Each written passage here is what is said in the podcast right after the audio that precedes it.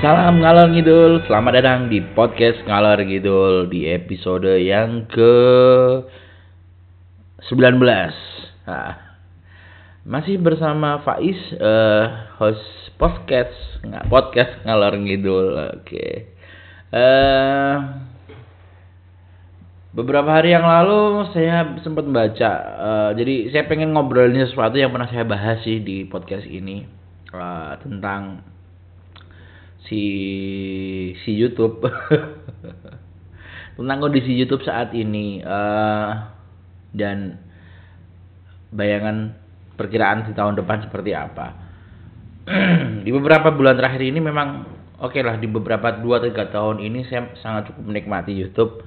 Konten-kontennya seperti apa, cukup variatif dan di antara kemegahan dan kemegahan dan informasi yang ditampilkan oleh YouTube di uh, untuk semua orang. Dan sekarang saya lihat juga memang yang menonton YouTube itu tidak mulai dari anak kecil sampai uh, anak kecil dan sampai apa ya? Sampai tua muda yang punya smartphone itu pasti nonton YouTube. Selama HP-nya bisa buat YouTubean dia pasti akan nonton YouTube. Karena ya informasi lah mungkin kadang udah malas kali ya melihat televisi oh, televisi itu nggak nggak nggak private gitu loh. Informasinya nggak private pasti umum kayak gitu ada iklannya. Dan di YouTube ini semua bisa mengakses informasi apa pun dan itu private dan dia melihat sendiri gitu ya dan tidak dibagi-bagi gitu loh. Apa pun lah semuanya ada. Mulai dari video nggak mutu dari video yang xxxx yang porno kayak gitu pornografi itu banyak di YouTube sebetulnya. Dan ini aku aku agak, agak aneh sih uh, dengan YouTube bener-bener saat ini seperti nggak ada boundaries. Saya juga nggak tahu nih Menkominfo kok ya sepertinya kok tidak mengontrol YouTube sendiri ya. Konten-kontennya tuh gila gitu loh. Dan beberapa hari yang lalu uh, salah satu aku mengatakan mungkin dia dia ngeklaim diri sebagai visual artist sih. Visual artist uh, YouTube dengan konten videonya dengan bentuk jadi visual artisnya dia karyanya yaitu dengan konten-konten video gitu loh. Dan dia punya uh, acara sendiri di YouTube-nya. Uh, nama akun YouTube-nya tuh VNGNC Vengeance atau apa? Kalau dulu awalnya sih baca dua atau tiga dua atau dua tahun yang lalu pak. Bacanya Vengeance gitu. Oke lah secara look dia kayaknya nggak nggak menarik sih, nggak menarik secara looknya gitu. Uh, tapi pemikirannya banyak yang kalau menurut saya sih luar biasa gitu loh, pola pikirnya luar biasa konten-konten YouTube-nya kadang-kadang nggak kayak kalau terlihat sepintas kayak nggak mutu kayak dia mengolok-olok uh, yang ada di yang ada di internet lah. Di YouTube beberapa saya lihat ada konten-kontennya dan followernya itu luar biasa. Followernya itu sampai 190 kok 190 follower gitu jadi dia punya konten namanya WTF Indonesia What the fuck Indonesia. Uh, isinya tentang ya sisi kritisnya dia sebagai seorang youtuber uh, dan visual artist dia mem membuat kontennya dengan konsep konsep visual artist. Jadi kayak art ada seninya di videonya. Dan beberapa hari yang lalu dia posting episode terakhirnya uh, uh, what the fuck Indonesia itu. Dan lah banyak yang tercengang ternyata dari dari postingannya dia di di apa uh, di finalnya apa di uh, di program finalnya acara What the Fuck Indonesia ini. Dia benar-benar kalau aku melihat sih dia benar-benar mengkritisi apa yang terjadi di di ini di di YouTube terutama. Dan yes YouTube itu udah sudah tidak lagi seperti dulu. Orang tidak orang bermain di YouTube itu nggak nggak lagi fair gitu loh. Di YouTube itu udah kalau zaman dulu uh, mungkin pernah dengar GGS itu ganteng-ganteng serigala ya ganteng-ganteng ganteng-ganteng swag. Dengan ada rasa Arab terus ada komunitas di namanya Eclipse dan sebagainya. Mereka bikin program bikin bikin itu isinya konten kreator lah yang ada di Jakarta gitu uh, mereka ada ya statement itu YouTube lebih dari TV memang saat itu memang benar YouTube lebih dari TV karena konten-kontennya berbeda dengan apa yang ada di TV uh, konten-kontennya itu cukup kreatif. Ya sekreatif apa pun pun sekreatif apa pun itu pun ternyata tetap aja. Mereka nggak ya oke okay lah konteks orang Indonesia ATM amati tiru modifikasi. Mereka tetap meniru beberapa uh, konten. Ya memodifikasi konten-konten dari luar negeri. Jadi ada beberapa acuannya lah saya seperti uh, si A seperti kontennya itu. Uh, seperti channel itu si B seperti konten itu. Nah itulah.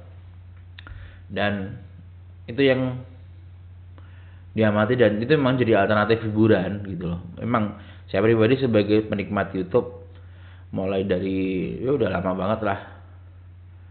Kalau berbicara uh, YouTube saya kalau nggak salah kemarin ternyata udah 10 tahun yang lalu saya mulai posting uh, di YouTube. Jadi cukup tahu lah. cukup tahu. Ya sampai sekarang saya sih baru produksi cuma baru baru cukup cuma 10 subscriber. Subscribernya nggak banyak gitu loh. Dan saya memang niatnya sih memang tidak untuk uh, mencari subscriber gitu loh. Dulu ketika zaman YouTube masih muda sih saya tidak memanfaatkan itu karena oh saya saya kembali ngecek gitu saya mulai bikin mulai upload YouTube itu di tahun pertama kali video saya pertama saya upload itu di November 15 November 2018 itu video pertama saya.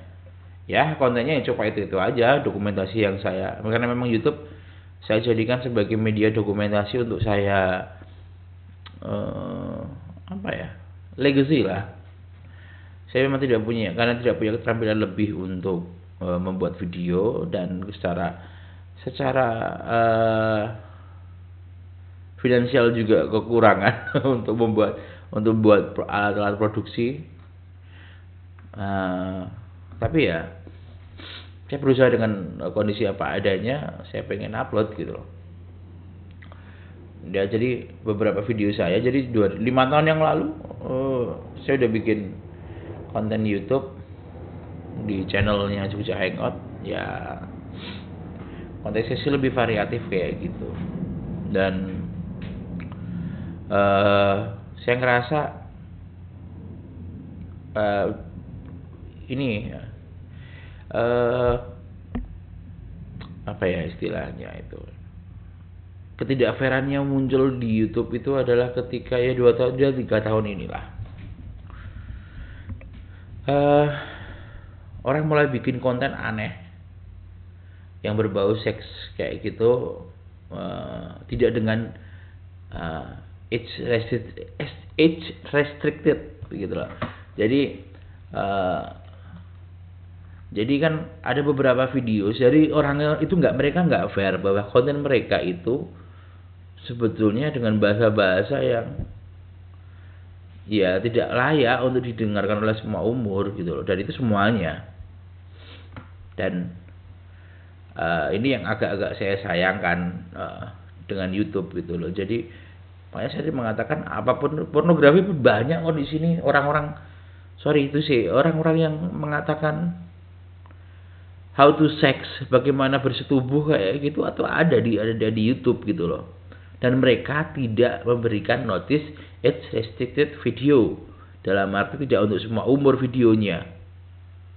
Kenapa mereka tidak mengata, uh, tidak tidak menggunakan notice ini? Karena mereka pengen dapat duit dari itu. Siapa sih yang enggak orang anak-anak. Apalah orang pengguna YouTube itu pasti pengen cari sesuatu yang aneh-aneh. Yang berbau seks kayak gitu di YouTube. Tanya anak-anakmu. Kebut kamu yang dengar ini yang buat buat parah gitu loh. Seharusnya orang ketika ngobrolin kayak gini nontonin kayak gitu pun seharusnya di ya fair lah gitu loh. Kalau berbicara yang memang mengarah pornografi ya udah. Di age restricted terbatas dong dibatasi umurnya dong. Walaupun orang penontonnya bisa ngakalin umurnya dengan bikin akun Gmail yang umurnya lebih tua gitu nggak ya itu terserah mereka gitu loh. Tapi minimal sudah memberikan uh, panduan atau pedoman notis kepada para penontonnya. Nggak semua umur bisa nonton ini. Ini yang saya cukup sedih juga dan uh, saya nggak tahu. Katanya sih kalau di age restricted eh, age restricted atau dibatasi semua umur itu uh, ininya nggak bisa masuk uh, ini ya adsense ya. Jadi orang-orang yang bikin konten dengan bahasa-bahasa maksiat. Bahasa-bahasa kasar kayak gitu dan tidak di sebetulnya tuh mereka itu adalah yang mengrusak bangsa ini. Yang merusak internet itu kayak gini. Kalau dia mengatakan itu sudah seperti tempat sampah yes betul gitu. Jadi tahun ini saya ngerasa bahwa YouTube itu hampir sama kayak Facebook tiga tahun yang lalu. Jadi YouTube, eh, Facebook itu udah dulu udah, udah kayak sampah. Saya merasa kan sampah gitu loh. Akun Twitter dibuang di Facebook. Jadi postingan-postingan Twitter dibuang di Facebook, semuanya di Facebook, Instagram. 2015 lah aku merasakan sih Instagram itu naik. Kalau postingannya Instagram dibuang di Facebook, semuanya di Facebook gitu loh saya 2013 saya udah pernah bikin bikin blog oke blog saya itu memang nggak menarik gitu lebih bikin sorry bikin vlog yang mengatakan bahwa uh, YouTube bisa menjadi salah satu alternatif. Empat tahun yang lalu lima tahun lalu sorry. Akan menjadi sebuah alternatif sebuah video about channel apa media yang platform yang akan luar biasa. Sudah bisa memprediksikan sih waktu itu. 2013 atau 2012 saya lupa. Di kemarin saya ngobrol dengan istri review kembali gimana omonganku? Kenyataan kan jadi jadi jadi kenyataan bahwa sekarang YouTube seperti ini. Udah udah cukup parah dan sekarang udah sama cukup parah. Jadi ini sama kayak televisi uh, yang aduh kontennya itu udah nggak penting-penting banget gitu loh. Dan untuk menampilkan informasi pernyataan-pernyataan itu makanya menggunakan internet gitu loh. Sekarang semua konten YouTube udah udah parah semuanya saya pun tidak lagi saya pribadi sekarang nggak lagi nggak nggak pakai YouTube nggak main YouTube. Saya hanya fokus pun sekarang saya bikin podcast gitu loh berbentuk audio. Nggak tahu ini sih perasaan saya aja sih. Jadi uh, sebetulnya konsep podcast sudah terkenal sudah sejak dari 2010 atau 2009 itu udah mulai terkenal, udah mulai banyak di uh, di ini di di Amerika lah, saya tahunya kayak gitu sih. Jadi dulu ketika awal-awal saya bikin Jogja Hangouts, saya cerita lagi masa lalu uh, YouTube itu saya pengen bikin semacam siaran seperti radio, cuma saya nggak punya duit gitu loh jadi saya berdapat peralatannya mereka punya server sendiri terus aduh cukup bagus banget lah keren lah gitu loh. Dan saya mungkin nggak akan mumpuni saya dengan apa adanya dia dengan tiga webcam saya bikin siaran seperti televisi gitu. saya sih punya punya uh, semangat bahwa oh ini suatu saat lah bisa akan kalau kita komitmen bisa bertahan kontennya akan baik lah gitu loh. Cuma ya memang di tengah jalan komitmen memang susah. Makanya saya pernah bikin bikin tulisan komitmen itu berat uh, dan nggak tahu. Sekarang saya ngerasa sih apa yang saya lakukan terhadap YouTube sebagai sebuah platform saya masih menganggap YouTube sebagai saya tidak mencari mencari menjadi subscriber atau apa. Uh, saya melihat sebagai YouTube ini sebagai platform sama seperti di ini aja di di sama seperti sosial media so konten-kontennya aja saya lihat saya mau tidak 100% baca kontennya ya. Feed gaming kayak gitu saya nggak terlalu tertarik gitu. Uh, tapi yang saya lihat uh, saya melihat YouTube mulai lagi jadi tempat satu tahun dua satu tahun ini juga kalau uh, saya melihat YouTube kembali jadi tempat sampah. Tempat sampah apa? Jadi kalau dulu tuh jadi berita banyak di sosial media di Facebook maupun Twitter banyak berita-berita sampah. Sedangkan sekarang adalah sampahnya di televisi. yang sudah pernah disiarkan di televisi dibuang semuanya di YouTube. Semuanya konten-kontennya itu ada di ada di YouTube. Makanya jangan heran Indosiar jadi salah satu 10 channel di Indonesia yang paling banyak subscribernya kalau nggak salah. Konten-konten itu banyak banget semua dibuang di YouTube. Nah saya pun melakukan hal yang sama saya dengan bikin podcast. Saya bikin videonya. Jadi bikin konten videonya untuk saya posting di di di YouTube. Tapi tetap tidak ada videonya tetap ada gambarnya tidak ada gambarnya. Uh, dia konsepnya sama berarti sebetulnya. Bahwa saya itu buang saya itu kayak sebagai tempat buang sampah. Konten saya. Ini juga konten sampah mungkin. Saya posting di semua di YouTube. Dan ya mungkin satu saat semuanya akan sama seperti ini dan bagi saya sih sah-sah saja gitu loh uh, apa yang terjadi. Dan memang uh, YouTube dengan program YouTube partnernya ya dengan orang dapat dapat bisa dapat duit di YouTube uh, ngerasa apa ya semua orang berlomba-lomba bikin konten bikin konten aneh-aneh. Jadi buat yang belum nonton uh, videonya What the Fuck Indonesia by VNGNC uh, saran saya tonton aja tentang kondisi YouTube saat ini seperti apa. Dia biar biar sadar gitu loh. Ya mungkin karena si VNGNC ini uh, eh, VNGNC itu tulisannya V N G N C ya. Bacanya VNGNC uh, eh, dia bikin kontennya dan mungkin bahasanya memang bahasa kasar gitu tapi oh my god dia memang cukup cerdas gitu loh. Katanya sih udah di Amerika di mana kemarin aku lupa. Uh, yang membuat saya miris juga sih bahwa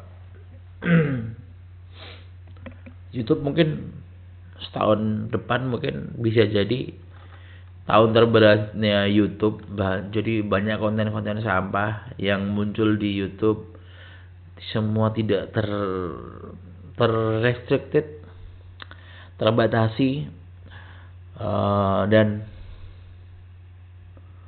ya hati-hati dengan YouTube bahwa kalaupun jadi semua pengguna smartphone uh, iklan pun juga gila loh. Kadang-kadang ada yang bikin animasi gitu dan animasi yang dimuncul di sini pun animasi sorry animasi seksual itu pun juga ada kan gila gitu. Kalau ya kalau orang pada tahu hentai ya ya kayak gitulah. Itu memang kartun tapi kan videonya gila itu dan inilah yang harus kita waspadai dengan YouTube saat ini uh,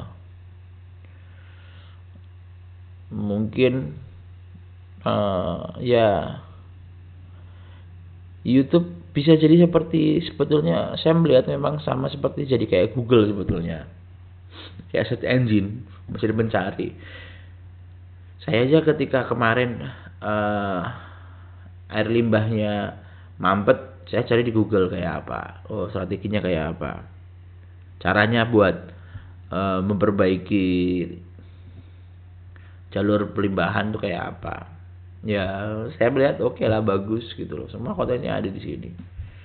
Dan ya cuma itu kan nggak konten mainstream itu kan konten informasi konten edukatif nggak lah nggak akan naik gitu loh.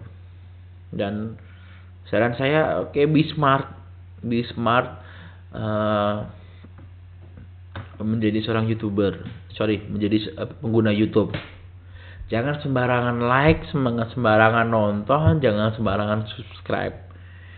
Uh, you are, kamu adalah yang memegang kendali. Subscribe-mu itu berharga. Subscribe-mu itu berharga. Like-mu itu berharga. Jangan main-main dengan sosial media sekarang saat ini. Banyak like, banyak view itu udah, udah itu itu sangat berharga untuk uh, pemiliknya maupun penggunanya untuk YouTube-nya gitu loh. Karena semakin banyak jika misalnya video ada iklannya itu juga dapat duit. YouTube pun sama kan seperti itu. Jadi uh, nggak tahu. Per, perkiraan saya sih YouTube suatu saat akan akan jadi tempat sampah sih kalau menurutku. Saya aja buang sampahnya di situ buang sampah uh, podcast saya. Yang per, yang utama sih mah di Anchor tapi di Anchor.fm cuma saya bangun juga di YouTube bikin konten audionya di YouTube doang.